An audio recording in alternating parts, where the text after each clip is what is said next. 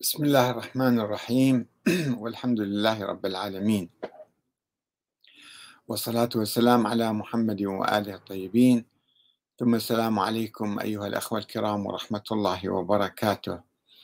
التأويل السياسي للقرآن الكريم الحلقة الثانية. تفويض الدين إلى الأئمة من أبناء الرسول صلى الله عليه وآله وسلم. تحدثنا في حلقة سابقة عن تأويل القرآن الكريم سياسيا واستنباط نظرية الإمامة الإلهية من القرآن من آية التطهير وأنها تدل على العصمة وأنها تخص أئمة آل الرسول. اليوم نتحدث عن تفصيل في هذا الموضوع وهو آه، تفويض الدين إلى الأئمة من أبناء الرسول. بناء على عدة آيات قرآنية آه، هكذا تؤول. الآية الأولى إنا أنزلنا إليك الكتاب بالحق لتحكم بين الناس بما أراك الله. والآية الثانية ما آتاكم الرسول فخذوه وما نهاكم عنه فانتهوا. والآية الثالثة هذا عطاؤنا فامسك أو أو أعطي بغير حساب. ويستنبط من هذه الآيات الثلاث حسب روايات وردت في مصادر شيعية قديمة مثل كتاب بصائر الدرجات لمحمد بن آه، فروخ الصفار وكتاب الكافي للكليني وأيضا في كتاب منسوب للشيخ المفيد هو كتاب الاختصاص. ولكن هذا الكتاب يعني العلماء يشكون فيه أنه هذا فعلا من كتابة الشيخ وإلا لا والأحاديث فيه تنسجم مع الكافي وبصائر الدرجات. آه، فكرة التفويض في التشريع. تفويض الدين والتشريع الإفتاء للأئمة. وروايات عديدة سوف نذكرها باختصار. طبعا ليس جميع روايات كثيرة هي ولكن أنا آه، أختصر. في هذا المجال. مثلا آه، هي تقول أن الأئمة آه، أن الله قد فوض لهم التشريع في المسائل الحادثة. في المسائل الحادثة هم بكيفهم يعني هم يشرعون ما يريدون. عن عبد الله بن سليمان عن أبي عبد الله يعني الإمام الصادق قال سألته عن الإمام أفوض الله إليه كما فوض إلى سليمان؟ فقال نعم. وذلك أن رجلا سأله عن مسألة فأجابه وسأله آخر عن تلك المسألة نفسها فأجابه بغير جواب الأول. ثم سأل آخر عنها فأجابه بغير جواب الأولين. ثم قال هذا عطاؤنا فامسك أو أعطي بغير حساب. كيفك يعني؟ قال هكذا هي في قراءة علي. قلت أصلحك الله. فحين أجابهم بهذا الجواب يعرفهم الإمام؟ من هذول اللي يفسيلهم قال سبحان الله أما تسمع الله يقول في كتابه إن في ذلك لآيات للمتوسمين المتوسمين هم الأئمة وإنها بسبيل مقيم لا يخرج منهم أبدا. ونقل عن الإمام محمد الباقر أنه قال أن تفسير القرآن على سبعة أوجه منه ما كان ومنه ما لم يكن بعد تعرفه الأئمة عليهم السلام. وما من القرآن آية إلا ولها ظهر وبطن ظهره تنزيله وبطنه تأويله ومنه ما قد مضى ومنه ما لم يكن يجري كما تجري الشمس والقمر كل ما كلما جاء تأويل شيء يكون على الأموات كما يكون على الأحياء نحن نعلمه. وفي هذا يقول جابر بن يزيد الجعفي. سألت أبا جعفر يعني محمد الباكر عن شيء من التفسير فأجابني. ثم سألته عنه ثانية نفس الموضوع فأجابني بجواب آخر. فقلت كنت أجبتني في هذه المسألة بجواب غير هذا فقال يا جابر إن للقرآن بطنا وللبطن بطنا وله ظهر وللظهر ظهر. يا جابر وليس شيء أبعد من عقول الرجال من تفسير القرآن. وإن الآية يكون أولها في شيء وآخرها في شيء.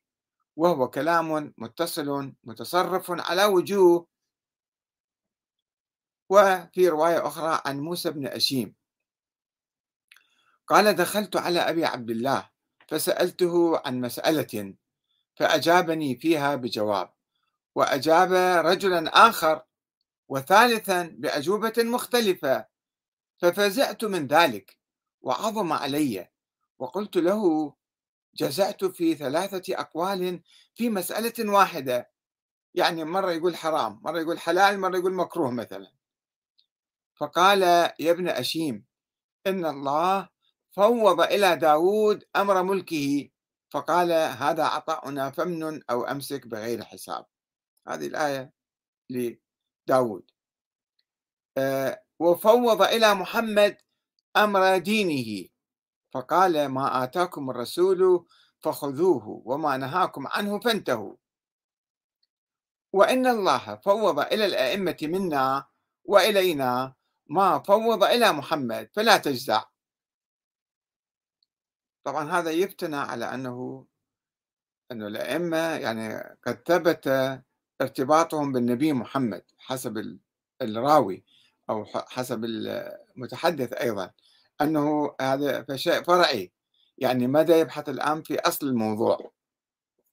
ثبوت الإمامة لهذه السلالة وأنها الله فوض للنبي وفوض لهم نفس الشيء.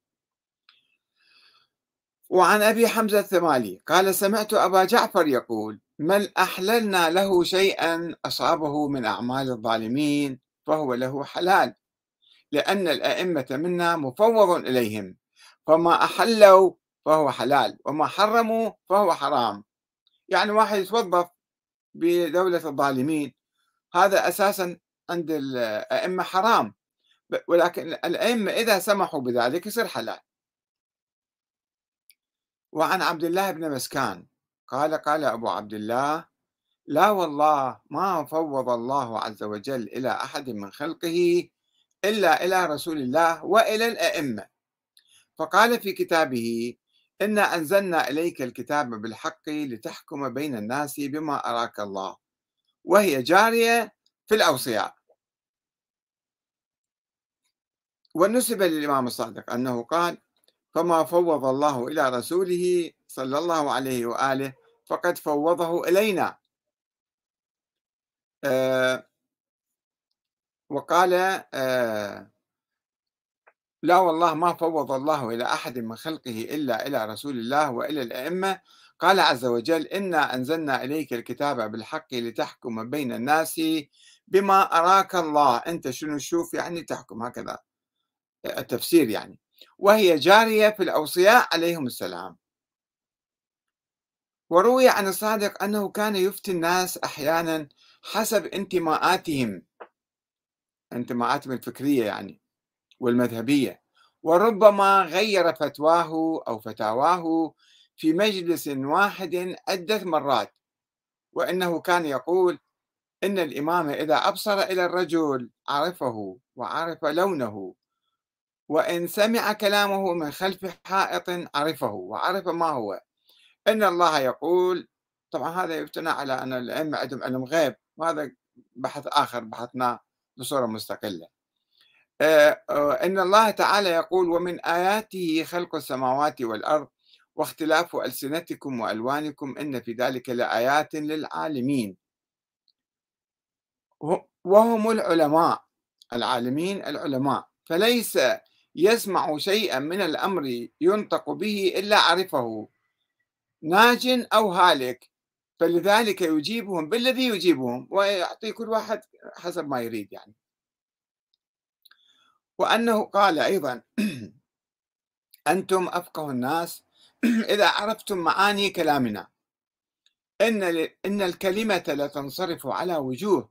فلو شاء إنسان لصرف كلامه كيف شاء ولا يكذب. وقال موسى بن أشيم كنت عند أبي عبد الله فسأله رجل عن آية من كتاب الله عز وجل فأخبره بها. ثم دخل عليه داخل فسأله عن تلك الآية فأخبره بخلاف ما أخبر به الأول.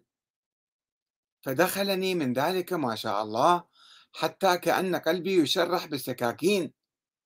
فقلت في نفسي تركت أبا قتادة بالشام لا يخطئ في الواو وشبهه. وجئت إلى هذا يخطئ هذا الخطأ كله. فبين أنا كذلك دخل عليه آخر فسأله عن تلك الآية فأخبره بخلاف ما أخبرني. وأخبر صاحبي فسكنت نفسي فعلمت أن ذلك منه تقية. قال ثم التفت ثم التفت إلي فقال لي يا ابن أشيم إن الله عز وجل فوض إلى سليمان ابن داود فقال هذا عطاؤنا فمن أو أمسك بغير حساب. وفوض إلى نبيه صلى الله عليه وآله فقال ما آتاكم الرسول فخذوه وما نهاكم عنه فانتهوا فما فوض إلى رسول الله فقد فوضه إلينا. طبعا هذا يحتاج دليل مستقل ولكن بناء على أجواء نظرية الإمامة أنه هذا أصبح شيء مسلم يعني. أنه افترضوا الله فوض إلى إلى النبي كيف انتقل التفويض إلى الإمام الباقر أو الإمام الصادق مثلا؟ هذه روايات يرويها الصفار في بصائر الدرجات والكليني في الكافي في باب التفويض إلى رسول الله وإلى الأئمة في أمر الدين وأيضا في الاختصاص للشيخ المفيد. ولكن يعني هذه طبعا روايات بعضها يرويها غلاة موسى بن أشيم من الغلاة جابر من الغلاة يروون الروايات عن الأئمة. ولكن عمليا يبدو أنها قد فتحت آه، باب التفويض في التشريع. هاي دعوة دعوة التفويض في التشريع. فتحت الباب واسعا أمام ورود فتاوى وأحاديث متناقضة. أو غامضة عن الأئمة. فتاوى واحد يقول حلال واحد يقول حرام. أو قابلة للتأويل والتفسير مو واضحة مثلا. وحدوث الاختلاف في صفوف الشيعة في القرن الثاني هذا. الكلام كله في القرن الثاني الهجري. حتى نقل عن الأئمة قولهم أيضا إن في أخبارنا محكما كمحكم القرآن ومتشابها كمتشابه القرآن. فردوا متشابهها إلى محكمها. ولا تتبعوا متشابهها دون محكمها فتضلوا. ونقل عن الأئمة أيضا. إجازة العمل بكل الأحاديث المختلفة أحيانا.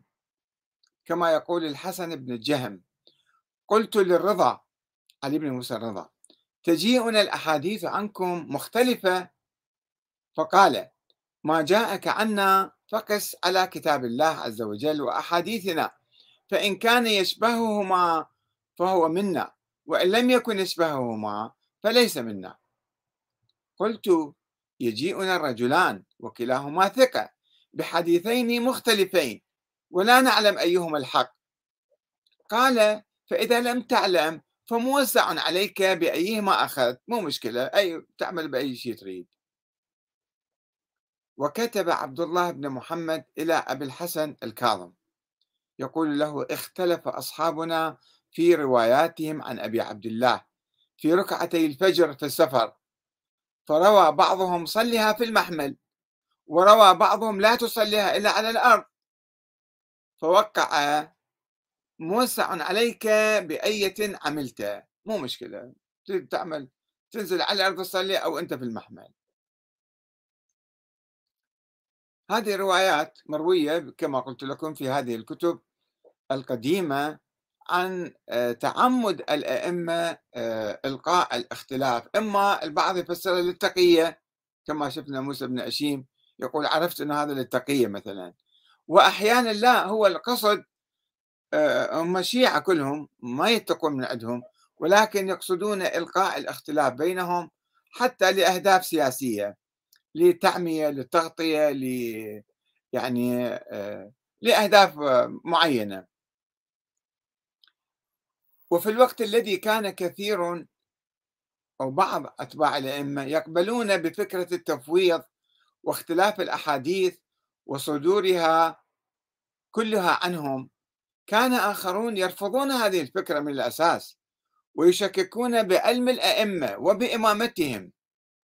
ومنهم عمر بن رياح أو عمر بن رباح. كما يروي النوبختي في كتاب فرق الشيعة والكشي في رجاله الكشي في القرن الرابع من أول علماء الرجال الشيعة الاثنى عشرية كتاب آه، معرفة الرجال للكشي والنوبختي في القرن الثالث الهجري كان يروي هذه القصة نفس القصة يروها اثنين يعني عن عمر ابن رياح أو عمر ابن رباح. آه، كما يقول أنقل لكم نص مال آه، نوبختي الآن. يقول الذي زعم أنه سأل أبا جعفر عليه السلام يعني إمام باكر سأله عن مسألة فأجاب فيها بجواب ثم عاد إليه في عام آخر فسأله عن تلك المسألة بعينها فأجابه فيها بخلاف الجواب الأول أعطاه فتوى أخرى غير شكل. فقال لأبي جعفر هذا خلاف ما أجبتني في هذه المسألة العام الماضي. شلون اختلفت الفتوى الحكم؟ فقال له إن جوابنا ربما خرج على وجه التقية هذا عمر بن رباح شكك في أمر الإمام باكر وإمامته. قال هذا شلون؟ مو تقية فلقي رجلا من أصحاب أبي جعفر يقال له محمد بن قيس. فقال له إني سألت أبا جعفر عن مسألة فأجابني فيها بجواب ثم سألته عنها في عام آخر فأجابني فيها بخلاف جوابه الأول. فقلت له لم فعلت ذلك؟ فقال فعلته للتقية. وقد علم الله أني ما سألته عنها إلا وأنا صحيح العزم على التدين بما يفتيني به وقبوله والعمل به. فلا وجه لاتقائه إياي؟ ليش يسوي تقية وياي؟ وهذه حالي وأنا من أتباعه وأريد أريد أعرف حكم الله مثلا. فقال له محمد بن قيس فلعله حضرك من اتقاه. يمكن أنت واحد جالس معاك من سألته وهو اتقى ذاك الشخص مو اتقاك إلك فقال ما حضر مجلسه في واحدة من المسألتين غيري أنا وياه كنت فقط ما في واحد آخر. لا مو مسألة تقية ولكن جوابيه جميعا خرج على وجه التبخيت يعني ظن يعني يفتي هكذا. ولم يحفظ ما أجاب به في العام الماضي فيجيب بمثله. العام الماضي سألت سؤال جاوبني في الجواب بسرعة المرة الثانية من سألت هذا العام جاوبني كما ورد في خاطره يعني. فرجع هذا كلام النوبختي في كتاب فرق الشيعة. يقول فرجع عن إمامته. هذا عمر بن رباح أو ابن رياح.